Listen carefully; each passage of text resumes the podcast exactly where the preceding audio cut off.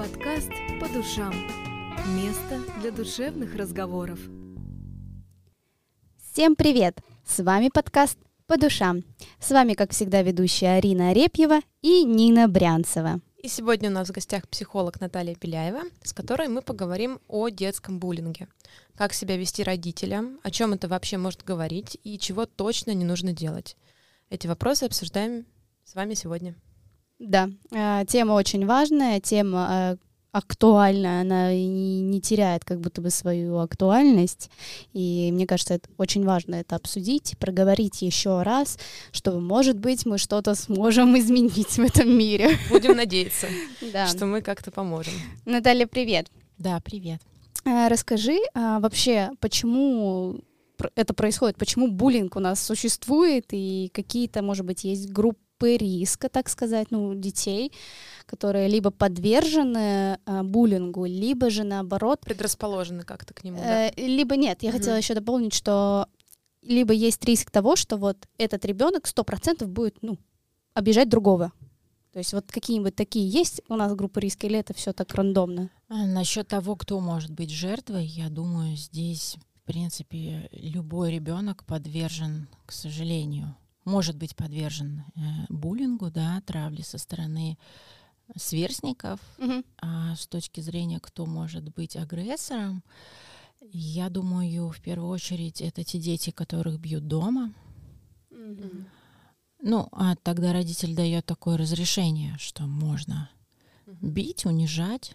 И ребенок, когда он еще маленький, он еще до поры до времени не может сдачи дать родителю. Mm-hmm. И это куда-то надо отдать, и он отдает это тогда ну, для других, другим детям, которые, может быть, меньше и как-то эмоционально более уязвимы, что ли, да.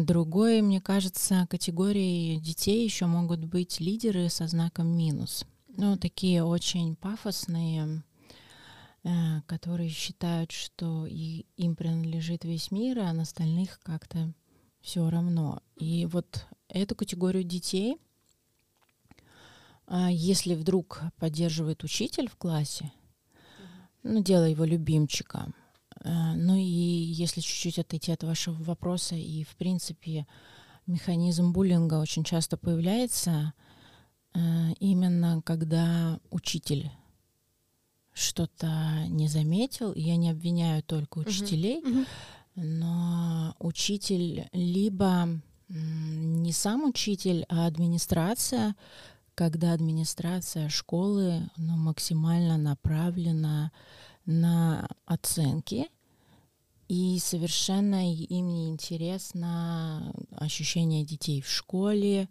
но ценности совсем угу. другие. И это может тоже пропагандировать, да, и такой пропагандой служить на самом деле. И я когда училась в классе, у нас была учительница, которая выделила своих любимчиков, и почему-то эти любимчики решили, что им можно все. И издевались, и прикалывались, и как-то так нелестно вели себя. И здесь учитель, я искренне надеюсь, что она это делала не специально, это mm-hmm. часто учителя могут делать от выгорания, от своих mm-hmm. проблем непроработанных, от неудовлетворенности жизнью и все остальное. Но от учителя здесь очень много зависит. Ну и если еще сказать про детей, кто мог бы, да, быть агрессором. Это дети, которые боятся быть отверженными. Ну, тоже, да, скорее всего, какой-то есть эмоциональный или психологический, эмоциональное напряжение или психологический дискомфорт и также дети, кого оскорбляют дома. И эти оскорбления не, не носят единичный характер, а именно там, да ты никто, да, место твое там-то, там-то, и, и страдает от этого личности, и этой личности нужно куда-то это деть. А на первый вопрос отвечая, откуда в принципе берется буллинг, любая агрессия порождает другую агрессию. Потому mm-hmm. что в школах, например, есть буллинг, и это травля сверстников со стороны, ну, дети травят mm-hmm. детей, а есть еще эмоциональное насилие над детьми в школах с учи- со стороны учителя. Оу. к сожалению. Хотя об этом уже так много сказано, так много написано, так много всего есть, чтобы это предотвратить. Но я по сей день в своей практике работы с детьми и подростками до сих пор с этим встречаюсь. И может быть, есть смысл чуть-чуть об этом тоже поговорить, что значит эмоциональное Мгм. насилие, а, именно когда оно не только сверстники, да, когда мы говорим не только про буллинг, а когда мы еще говорим, когда это со стороны учителя. Мы уже затронули момент, когда учитель как будто бы так, да, зеленый свет. Да, дает А, добро. Да, дает добро, и тогда издевательство происходит. Вы знаете, очень часто на консультациях мне родители задают вопрос, ну, а вдруг учитель не заметил?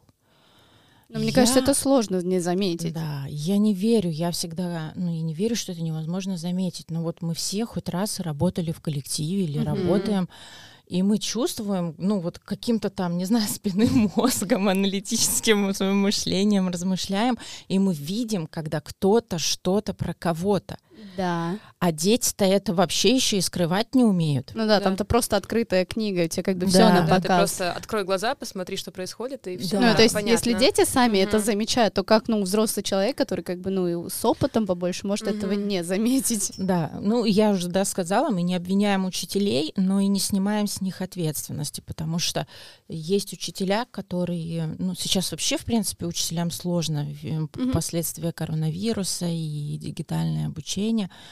Но вы знаете, я в любом случае считаю, взрослый, он и есть на то взрослый, чтобы когда ему трудно, он себе помогал, но не за счет детей. А, Вот это такой важный момент. А если вернуться к тому, что такое эмоциональное насилие в школе именно, когда учитель что-то делает с ребенком, то здесь я бы выделила такие моменты, как, например, оценка личности ребенка.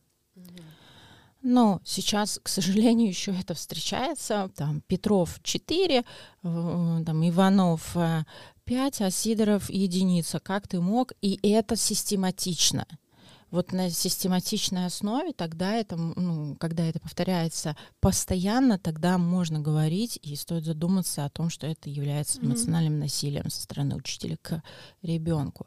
Далее также м, а, и в этой позиции, знаете, еще такой момент появляется, что бы ребенок ни делал, вот он уже все.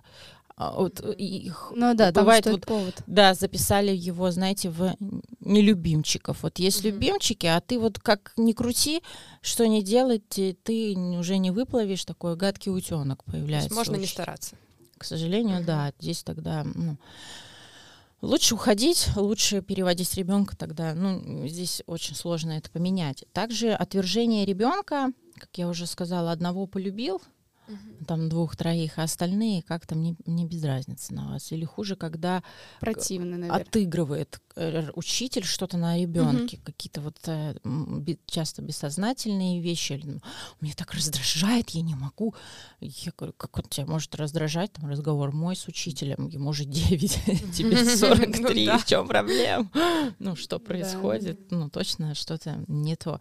И также прописывают, когда унизительный сценарий. Вам, вы хоть раз слышали в школе, вот не будешь учиться, пойдешь туда, пойдешь Ой, туда. да, это, это, конечно, да. такая противная история. Да, и очень часто вот это тоже может быть, когда на постоянной основе может быть э, э, рассматриваться как Мгм. именно как унижение, да, как э, эмоциональное насилие над ребенком. И также, ну, в принципе, не видение, не замечание каких-то ведущих потребностей у ребенка. Ну, например, если мы говорим про особых детей, ребенок, ну, к примеру, возьмем синдром дефицита внимания и гиперактивности, он от природы не может высидеть 45 минут, спинка ровно, ручки так, ножки так, ему нужно переключаться. Это то же самое, что, не знаю, у человека, который слеп, просить про- прочитать. Мгм. Ну, вот это Да, и такие часто насилие. диагнозы, мне кажется, не воспринимаются всерьез. Да, потому что, ну, это что-то такое но- новомодное, что-то там они Да, а- придумывали. А молодых учителей Мгм. сейчас мало. А, ну, то есть они есть, но их не хватает на всех наших детей, Мгм. которые у нас в стране есть. И как бы, ну, с этим возникает проблема. И, и вот эта система оценивания, мне кажется, это все идет из Советского Союза, да, из прошлого нашего воспитания. И у меня до сих пор вопрос, почему, почему у нас еще до сих пор ничего в системе образования нет, не принялось, ну, какие-то кардинальные перемены, почему у нас до сих пор существуют оценки, и почему мы должны своих детей напрягать. Ну, у меня младший брат. меня бесит, меня бесит эта система оценок.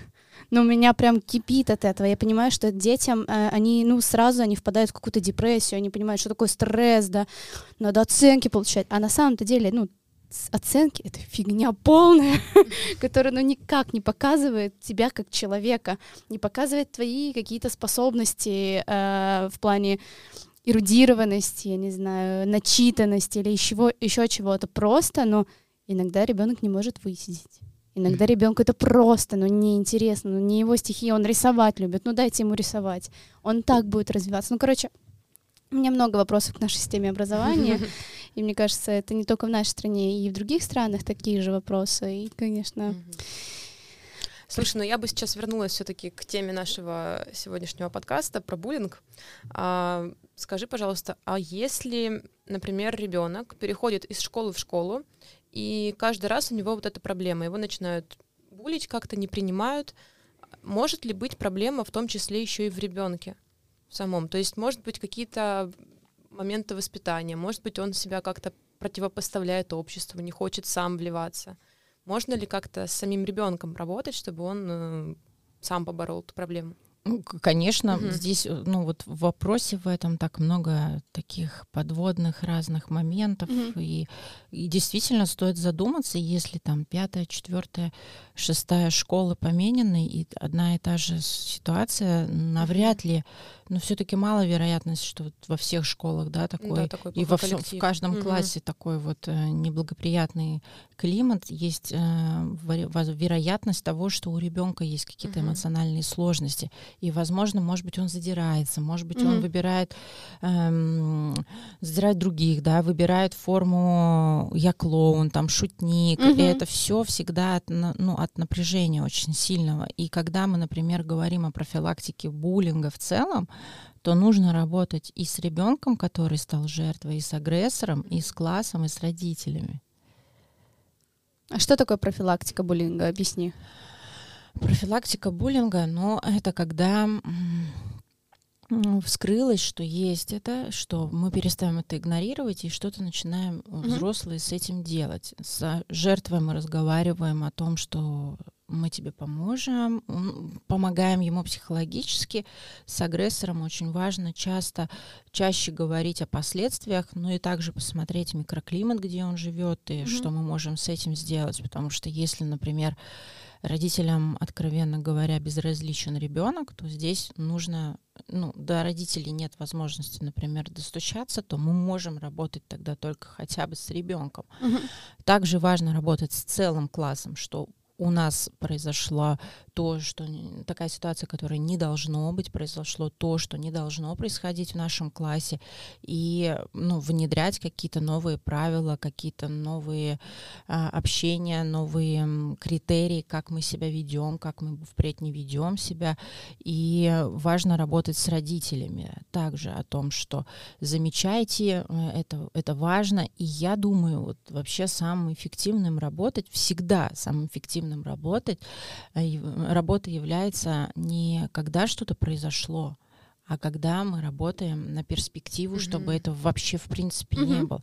Но насколько вы знаете, может быть, э, и слушатели, когда мы обращаемся чаще всего к специалисту? Когда болит уже. Да, когда, когда уже проблема болит. есть. Да, угу. по моей профессии я скажу, а, все чаще, слава богу, обращаются уже иногда просто я вот пришла, вроде бы проблемы нет, но на всякий случай уже больше как профилактически. Угу.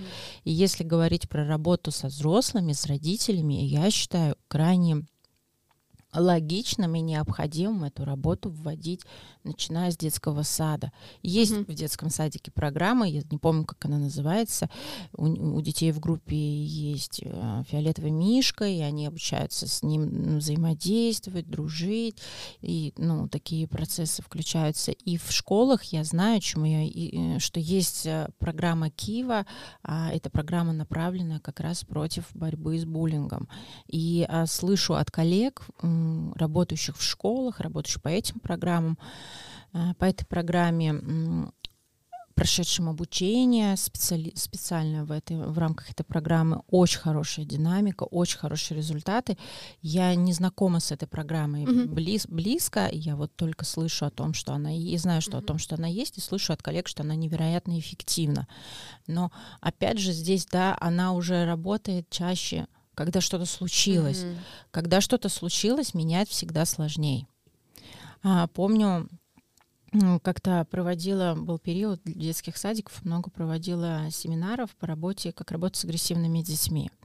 С агрессивным ребенком самая важная работа — дать ему как можно больше тепла. И сразу такой парадокс, как это, как это возможно. И всегда лучше, э, вот э, есть такое задание, ну, представьте, что вот определенное количество людей встали в круг, uh-huh Э, ну, это учителя, к примеру. И я помню, проводила такое упражнение с педагогами, и я давала им воздушные шарики. Ну, 10 педагогов, я даю им 5 шариков. Они, задача, чтобы этот шарик не упал на пол. Угу. И, конечно же, в этом есть провокационный момент, потому что шарики это дети, и, и они начинают увлекательно э, их беречь, эти шарики, да, подбрасывают, но в какой-то момент шариков становится больше, больше, больше, у, учителей включается всегда тревога, паника, mm-hmm. потому что дети начинают падать, ну, метафоричные ну, дети, да, да, да, в упражнении. Смысл в том, что чем шарик упал ниже, его поднять сложнее. Фокус тогда со всего остального теряется. Mm-hmm. Вот и также профилактика буллинга важно, чтобы мы наверху, на поверхности э, какие-то другие ценности вкладывали. Но здесь огромный пласт работы не только учителя и родителей, всех, в принципе, всего общества, потому что э, любая агрессия порождает другую агрессию. Угу. Мы уже об этом вначале сказали. Угу. Но ты уже затронула тему того, что если вдруг э, ребенок столкнулся с буллингом, то лучше его забрать в школу, да, если там уже третья, четвертая, пятая, шестая школа, то это уже, ну, как бы надо искать причину в ребенке. Но у меня вообще такой вопрос. А, вот, допустим, ребенок уходит со школы из-за того, что его булят. А не является ли это для него таким сигналом, что с проблемой не надо бороться, от проблемы можно убежать? То есть это вот этот вот дальше характер его не сформулирует так, что а если проблема есть, то я от нее уйду, ну там что-нибудь дальше придумаю. Ну, во-первых, я не говорила, что если болит, надо уходить. Mm, окей, значит, я неправильно поняла. Другой вопрос был, mm. что... Э, если ты уже много раз ушел и и болит, то тогда, может быть, да, mm-hmm. есть смысл посмотреть mm-hmm. не только то, что там со сверстниками, а я всегда считаю, до того, как уйти, нужно максимум проработы угу. провести, помочь ребенку разговаривать с учителем, разговаривать с администрацией, ну, подключать всех, всех, всех, да, например, те родители, кто нас слушают, как понять, там, куда идти, а можно на страничке школы Э, посмотреть, есть ли в школе программа Кива. Если есть эта программа, значит, есть специалисты, которые прошли обучение, и с ними нужно связываться. Но это отдельный тоже момент, как связываться, про что говорить, как говорить. А вот когда ты, а, а тот вопрос, который ты задала, если, например, ну, не буллинг, да, а в принципе ребенка вот он случился, столкнулся с какой-то сложностью, и его так сразу из тренировки забрали и перевели uh-huh. еще куда-то. Конечно, у него формируется, я тогда не напрягаюсь, ли, ну, и, и жизнь мне как-то все по-другому дает. Uh-huh. Либо второй момент может сформироваться, и это избегание неудачи будет бояться в, во взрослой жизни что-то новое пробовать. И, в принципе, вся школьная система образования, она вытачивает в нас угу. ошибка это плохо.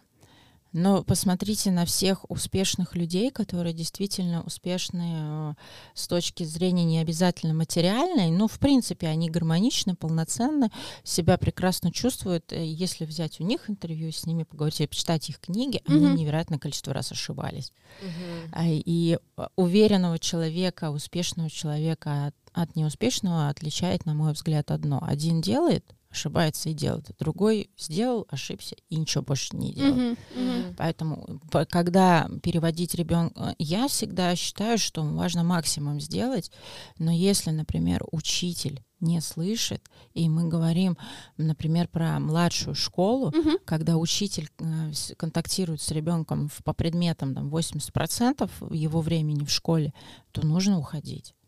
Мгм. Вот это было тоже важно понять, как вот вообще родитель действует в такой ситуации. Слушай, ну у меня тогда вопрос такое небольшое уточнение даже. Я сейчас вспоминаю себя, свой класс, и помню, что у нас часто приходила мама одного моего одноклассника для того, чтобы, ну, разобраться каким-то образом, почему, значит, э, с ее сыном как-то так вот плохо себя ведут. А происходило это происходило регулярно, и, естественно, ничего это не давало. То есть это не очень хорошая схема, когда ты идешь прямо в класс и говоришь, так, кто тут обижает моего Васеньку, сейчас вот я тут разберусь. Я тебе Или больше скажу, моя мама как-то? ходила так А. делать на танцы. То Ну, есть мы садились, а, я вам расскажу, э, меня на танцах, ну так, немного столкнулась э, не с недопониманием коллектива, и случился такой, ну, небольшой буллинг. В итоге мама звонит э, нашему руководителю, собираем всех мам, собираем всех детей и начинаем разговаривать. Я сидела, думаю, ё-моё. И после этого мне было так, ну, стрёмно приходить, на самом деле, на тренировки. И это как бы не помогло. Это Мгм. не помогло. Вот, то есть можешь как-то прокомментировать эту ситуацию? Стоит ли родителям это делать? Я так понимаю, не стоит. И почему? Ну вот именно как да. вы рассказали обе, конечно, не стоит. Реагировать стоит. Во-первых, важно успокоиться. Не делать никаких таких эмоциональных вещей, потому что можно на дров еще больше наломать. И очень важно понимать, когда родитель что-то делает, пусть то садик, пусть то тренировка, пусть то школа, родитель пришел, сказал и ушел. Ребенок там остался.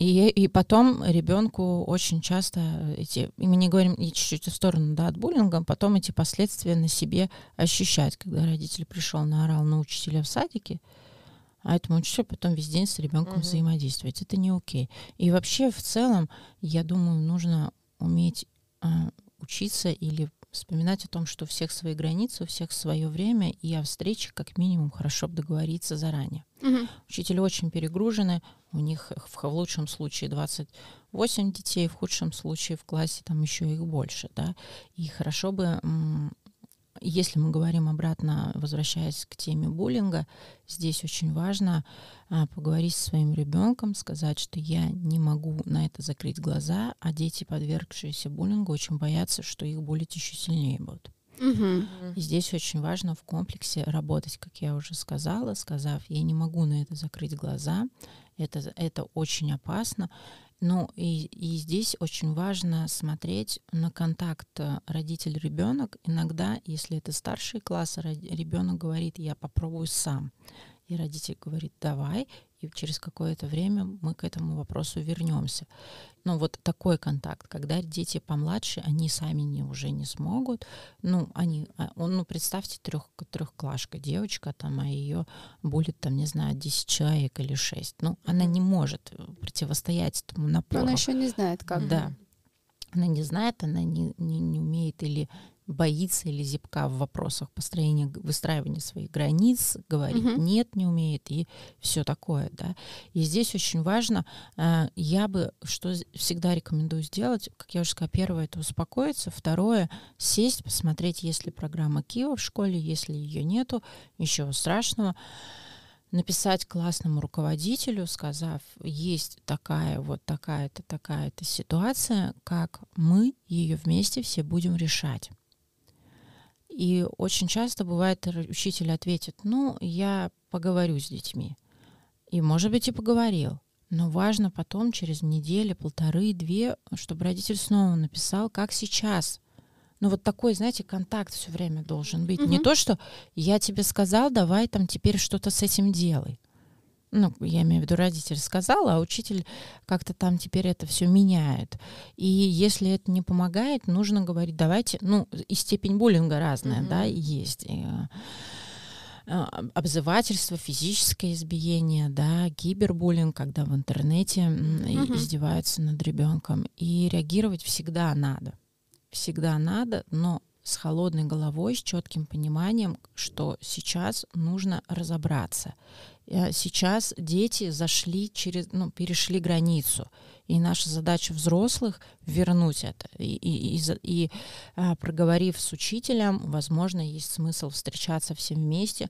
Может быть, это у каждой школы по-своему, вот они смотрят по, по, по-своему. Может быть, пригласить родителей обидчика и э, жертвы, да, родители жертвы так взаимодействовать. Здесь уже очень индивидуально и какого-то единого а, такого шаблонного mm. механизма я бы не дала. Почему? Ну, потому что а, представим родителя, которому далеко безразлично уже вообще, mm-hmm. что происходит с ребенком, потому что, ну, вот его уровень восприятия мира таков — есть ли его смысл таскать на консультации? Ну, пришел он. Ну, он ничего не возьмет, кроме как еще, если вдруг некомпетентный специалист, он ему еще скажет, да что то такая за мать или за отец. И он пошел, опять открыл бутылку водки и напился. И да, пришел, еще... сказал, какого меня вызывают в школу, там, давай-ка так, чтобы больше этого не повторилось, да, и здесь снова замкнутый круг, поэтому максимально нужно реагировать, максимально по-взрослому, понимая, что дети перешли границу, которых никогда не должны переходить. И, ну, конечно, профилактика здорово посмотреть еще в семье, может быть, вы где-то переборщили с чем-то mm-hmm. с точки зрения воспитания своего ребенка. Mm-hmm. А, допустим, если родитель понял, что его ребенок является тем, кто булит других детей, то что он должен сделать, а, что он должен сказать. То есть, да, сейчас мы обсудили сторону, вот если мы заметили, что нашего Наш. ребенка булят, да, нашего mm-hmm. ребенка обижают, да, мы тут начинаем реагировать и решать вопрос, ну, потому что это в наших интересах. А что делать тому родителю, который заметил, что его ребенок обижает других mm-hmm. деток? А, сесть, успокоиться, подумать, в чем может быть причина. И мы уже назвали причины, да, угу. какой-то эмоциональный некомфорт, что-то вот такое вот, с чем ребенок столкнулся, ему очень сложно. А вы знаете, я помню, у меня с одним знакомым был разговор о том, что в последнее время дети стали очень жестокими. Ну, буллинг, к сожалению, становится все более актуальным, это угу. да, но у детей от рождения нету этой жестокости. Я была в начале нашего с ним разговора убеждена, а потом мне где-то попалась информация об исследованиях, что вот этой жестокости в нас с рождения нет. Она mm приобретенная. И чаще всего это какая-то внутренняя боль. mm И очень важно еще понять, у нас у всех есть агрессия я для того, чтобы мы могли себя защищать. Но мы эту агрессию не направляем, если все хорошо, против другого чтобы mm-hmm. ему стало плохо. А мы эту агрессию направляем, когда что-то внутри у нас не окей. Вот этот уровень эмпатии, который развивается с рождением у ребенка в контакте с матерью, с отцом или просто, например, с человеком, который взял на себя ответственность за ребенка и дает ему тепло, не обязательно, да, это мать, это может быть няня, может быть опекун и так далее. А, и единственное исключение категория детей, которые, например, а, дети из детдома. Угу. И я не сразу не ставлю знак равно, они будут агрессорами. Просто когда дети в детдоме не получают систематично эмоционального тепла, у них это не развивается. И для них там, не знаю, прибить ворону к забору, они не понимают и не чувствуют, что это больно. Угу. Вот такой момент, да, и здесь родителям нужно садиться и думать, что произошло с моим ребенком, что я где-то упустил. Может быть, где-то что-то в другом месте у него происходит. Не обязательно в семье, но просто в семье чаще это происходит. Да, и это легче отследить, мне кажется, просто. Да, и может быть и вдруг родитель там был групп, может быть в процессе развода, может быть э, что-то закрутилось у ребенка, может быть он почувствовал себя одиноким, может быть что-то еще, еще, еще. Я по своему опыту скажу, ко мне бывает приходят родители, говорят, мой ребенок, ну ведет себя как клоун, что вот учится все хорошо, но поведение просто отвратительное, задирает, пристает к другим. Начинаем смотреть и понимаем, что причина, например, быть клоуном, я боюсь по-другому, я не умею контактировать, я все время один, я не понимаю, что значит эмоциональное mm-hmm. тепло, я не понимаю, как это заметить другого, не потеряв себя. Мне либо нужно быть таким вот клоуном, завоевывать э, все внимание на себя, либо я тогда в сторонке остаюсь, и мне тоже так комфортно. Всегда нужно искать причину. Mm-hmm. Ну, хорошо. Давай тогда сделаем какое-то такое небольшое пособие, если вот так можно, либо небольшой списочек того, что, ну, допустим, представим, мы живем в таком идеальном мире, где буллинга уже нет, что для этого было сделано, да, кроме профилактики, что каждый, допустим, родитель должен сделать или учитель, да, ну, как бы, что каждый взрослый, вот так, да, не учитель или родитель, что mm-hmm. каждый взрослый должен сделать, чтобы буллинга не было. Ну, пройти личную терапию. Перед тем, как заводить детей? Да, в принципе. Но проработать то, что, может быть, болит внутри, как-то, ну, ввести в повседневную жизнь элементы психологической заботы о себе. Угу каждый день, вот как мы кушаем, ложимся спать, чистим зубы, там, умываемся. И вот здесь также, да, повысить ценность, что это важно, это не только модно, но это важно и нужно. Угу. И воспитывать в себе ту осознанность, которая как я считаю, является ключевым моментом, в принципе, в жизни, неважно, в родительстве, в работе, где бы то ни было, это когда мы если чувствуем, что нам не окей, нехорошо нам, мы как-то что-то с этим делаем не за счет детей. Угу.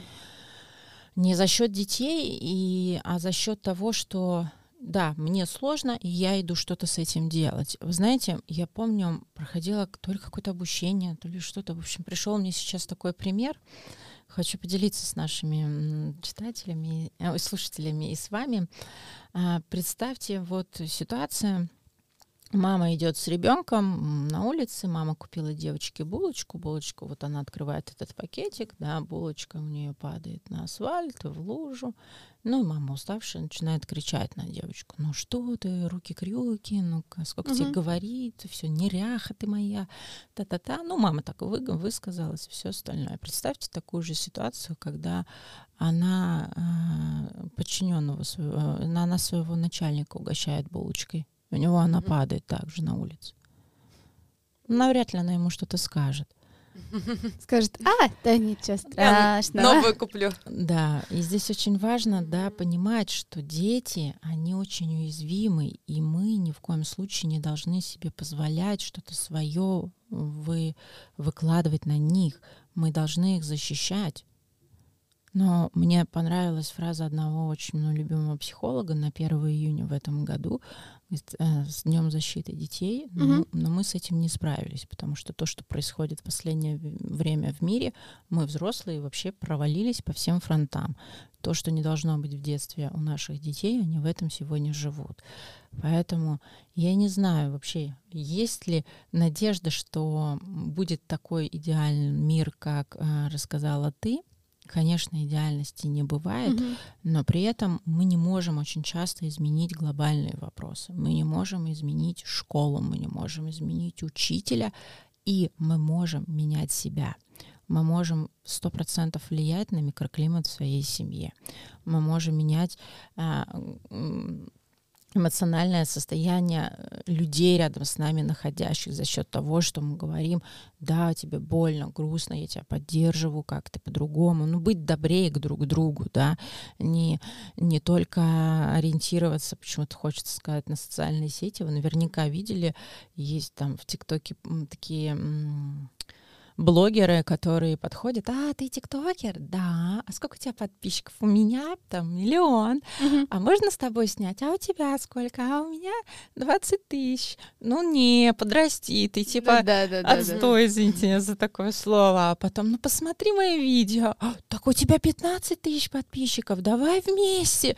Да нет, ты ж мне только что отказал. Но вот мне кажется, когда мы станем не так вот к людям относиться, неважно, ребенок это или в принципе принципе, человек, а начнем относиться ну, более добрее, что ли, к друг другу станем, mm-hmm. больше улыбаться будем, как-то, возможно, это будет более такое продуктивно. И, кстати, последние исследования, одни из исследований говорят, если немножко про успешность в школе, mm-hmm. Mm-hmm. что слова, которые являются поддерживающими, такими сильными, они влияют напрямую на увеличение успеваемости в школе. Mm-hmm. Вот оно как. Вот в чем секрет не в оценках, а, а в поддержке, mm-hmm. в поддержке, в любви. Это... Слушай, у меня вот такой вопрос, возможно, философский. Давай представим, что, допустим, вот есть такая ситуация, о которой мы говорили в классе неприятная, и никто ничего не делает. Вот, допустим, есть буллер, агрессор, есть жертва, и они так живут все, сколько там, 12 лет. А что из этого может получиться? Могут ли какие-то травмы получиться во взрослом возрасте, и какими эти люди станут? Это просто такая, может быть, мини-проекция на будущее, чтобы какую-то, может быть, мотивацию дать людям решать конкретно эту проблему сейчас. Да, сейчас отвечу про настоящее, угу. что происходит с ребенком и может происходить, когда угу. его булят, и это не меняется, и потом тогда Uh-huh, уже, uh-huh. если будет актуально, вернемся про будущее. Uh-huh. Ну, самое такое элементарное, помимо психологического не окей, да, э, состояние очень такого некомфортного внутри, низкая самооценка, низ, э, какие-то, может быть, панические атаки, боязнь вообще, в принципе, приходить в школу, ненависть к людям, ненависть к миру, боль внутри, э, и суицидальные мысли какие-то. К сожалению, это очень распространено среди подростков. Как раз недавно давала интервью на тему подростки и суицид. Эти цифры только идут вверх. И точно статистики не помню, но за прошлый год э, людей, ушедших свои, по своему желанию, в три раза больше, чем погибли в ДТП. Ужас какой. И мне кажется, здесь прям стоит задуматься об этом. И дети, они не хотят учиться, им вообще все становится безразлично, они настолько впадают в такую глубокую депрессию, не просто настроение такое, да, противоречивым становится, а именно такая депрессивная, ну, депрессия появляется у детей. И хорошо, если этот ребенок, очень грубо говоря, доживет эти 12 лет, в этой атмосфере, в этом жить невозможно, хотя э, природа детей наделила очень большим багажом ресурсов. Им э, нужно прожить mm-hmm. детство, поэтому у них ресурсов очень много. Но то, что э, будет, например, с жертвой буллинга от определенный человек, возможно, который очень сильно внутри сломан будет, не доверять миру и, в принципе, бояться чего-либо как-то так позиционировать себя, бояться как-то проявлять себя, и точно будет не окей ему. А с точки зрения того, кто булит, агрессоры, ну, это чаще всего люди, которые нарушают закон дальше, mm. которые, ну, с нарушением закона потом появляется административная ответственность, и чаще всего это такие преступники и остальное. Не знаю, ответила или нет. Ну, я думаю, ответила. Да, причем очень так четко и понятно. У меня, у меня сейчас еще один вопрос возник, вот просто на ходу. А, например, родитель замечает, что что-то не ок с ребенком и думает, ну, я повлиять на класс не могу, я лучше что-нибудь другое придумаю, вот отправлю его на секцию бокса. Там он научится себя защищать. Ну, вот такая типичная, мне кажется, история. Это работает вообще? Ну, ты знаешь, очень индивидуально, да. Угу. Вот если мы говорим о том, что снизилась успеваемость в школе, вот про те оценки, про которые угу. ты говоришь, что его все время оценивают, оценивают. Нас всегда вообще все оценивают, везде, угу. как где бы мы ни были, да. Только, слава богу, в старшем, в старшем возрасте нам оценок не ставят. Наши заботы проявляются потом в зарплате.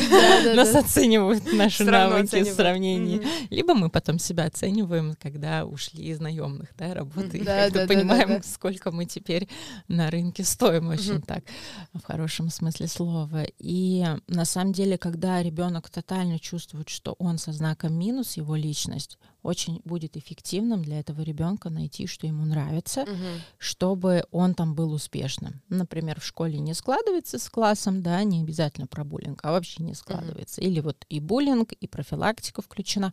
Можно, и это является очень классным, когда его отвели туда, где ему классно, где он проявляет себя, где микроклимат хороший, где атмосфера хорошая. Это поможет. Мгм. А вот агрессия всегда будет поражать другую агрессию. Нужно ли учить детей говорить нет, и в частности где-то постоять за себя, там, на тот же бокс отправить? Конечно, нужно. Но опять же не позиционировать. Тебя бьют, и ты иди бей. Как я говорю, у детей нельзя забирать возможность, что ты можешь дать сдачу.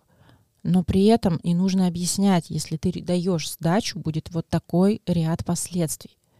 Потому что очень часто, почему-то я часто слышу, что вот в садиках девочки обижают мальчиков, вот прям их бьют. А я говорю, а ты чего? А я стою, девочек же бить нельзя. Мгм. Ну вот, а есть такие девочки сейчас, ну вот как-то я так встречаюсь э, со слов моих клиентов мальчиков, ну, которые в разы, ну, нахальнее уже мальчиков, в разы Мгм. такие, да. Им же э, все как можно. будто бы, да, да. им все можно, и здесь очень важно а, говорить ребенку, ты можешь ударить, ты можешь накричать на нее, рассказать учителю, убежать, чтобы у него был весь спектр действий, Мгм. но Мгм. при этом за каждым действием есть последовательность, есть поступок. Ну, потому что и- и если, например, я не знаю, женщина едет в трамвае, и на нее сел пьяный мужик, но навряд ли не стоит сидеть и думать, ну я ж его не могу оттолкнуть, его надо оттолкнуть. Но опять же, да, как проявить себя с точки Мгм. зрения такой физической, да, Мгм. грубо говоря, агрессии. Поэтому, если мотивация, вот тебя бьют, иди, иди и избей их, это ни к чему хорошему не приведет. А если мотивация, я вижу, что тебе сложно себя проявлять, сложно владеешь своим телом, да, например, не знаешь, как сказать нет, потому что нет-то не обязательно говорить словами, нет, это можно внутри очень почувствовать, что со мной так нельзя, я не Мгм. принимаю это, мне так не подходит, и, ну, и тогда к этому ребенку, ну, как бы к нему не подкатывал этот э, агрессор, мимо не, не подойдет. Опять же, не гарантия, да, жертвой может стать абсолютно любой. Ну, кстати говоря, это такая фраза, мне кажется, очень показательная, что никто не застрахован, и реально тут не всегда дело именно в ребенке, которого булит. Это, скорее Да. всего, такой может быть, Комплексный. комплекс, да, Да. факторов.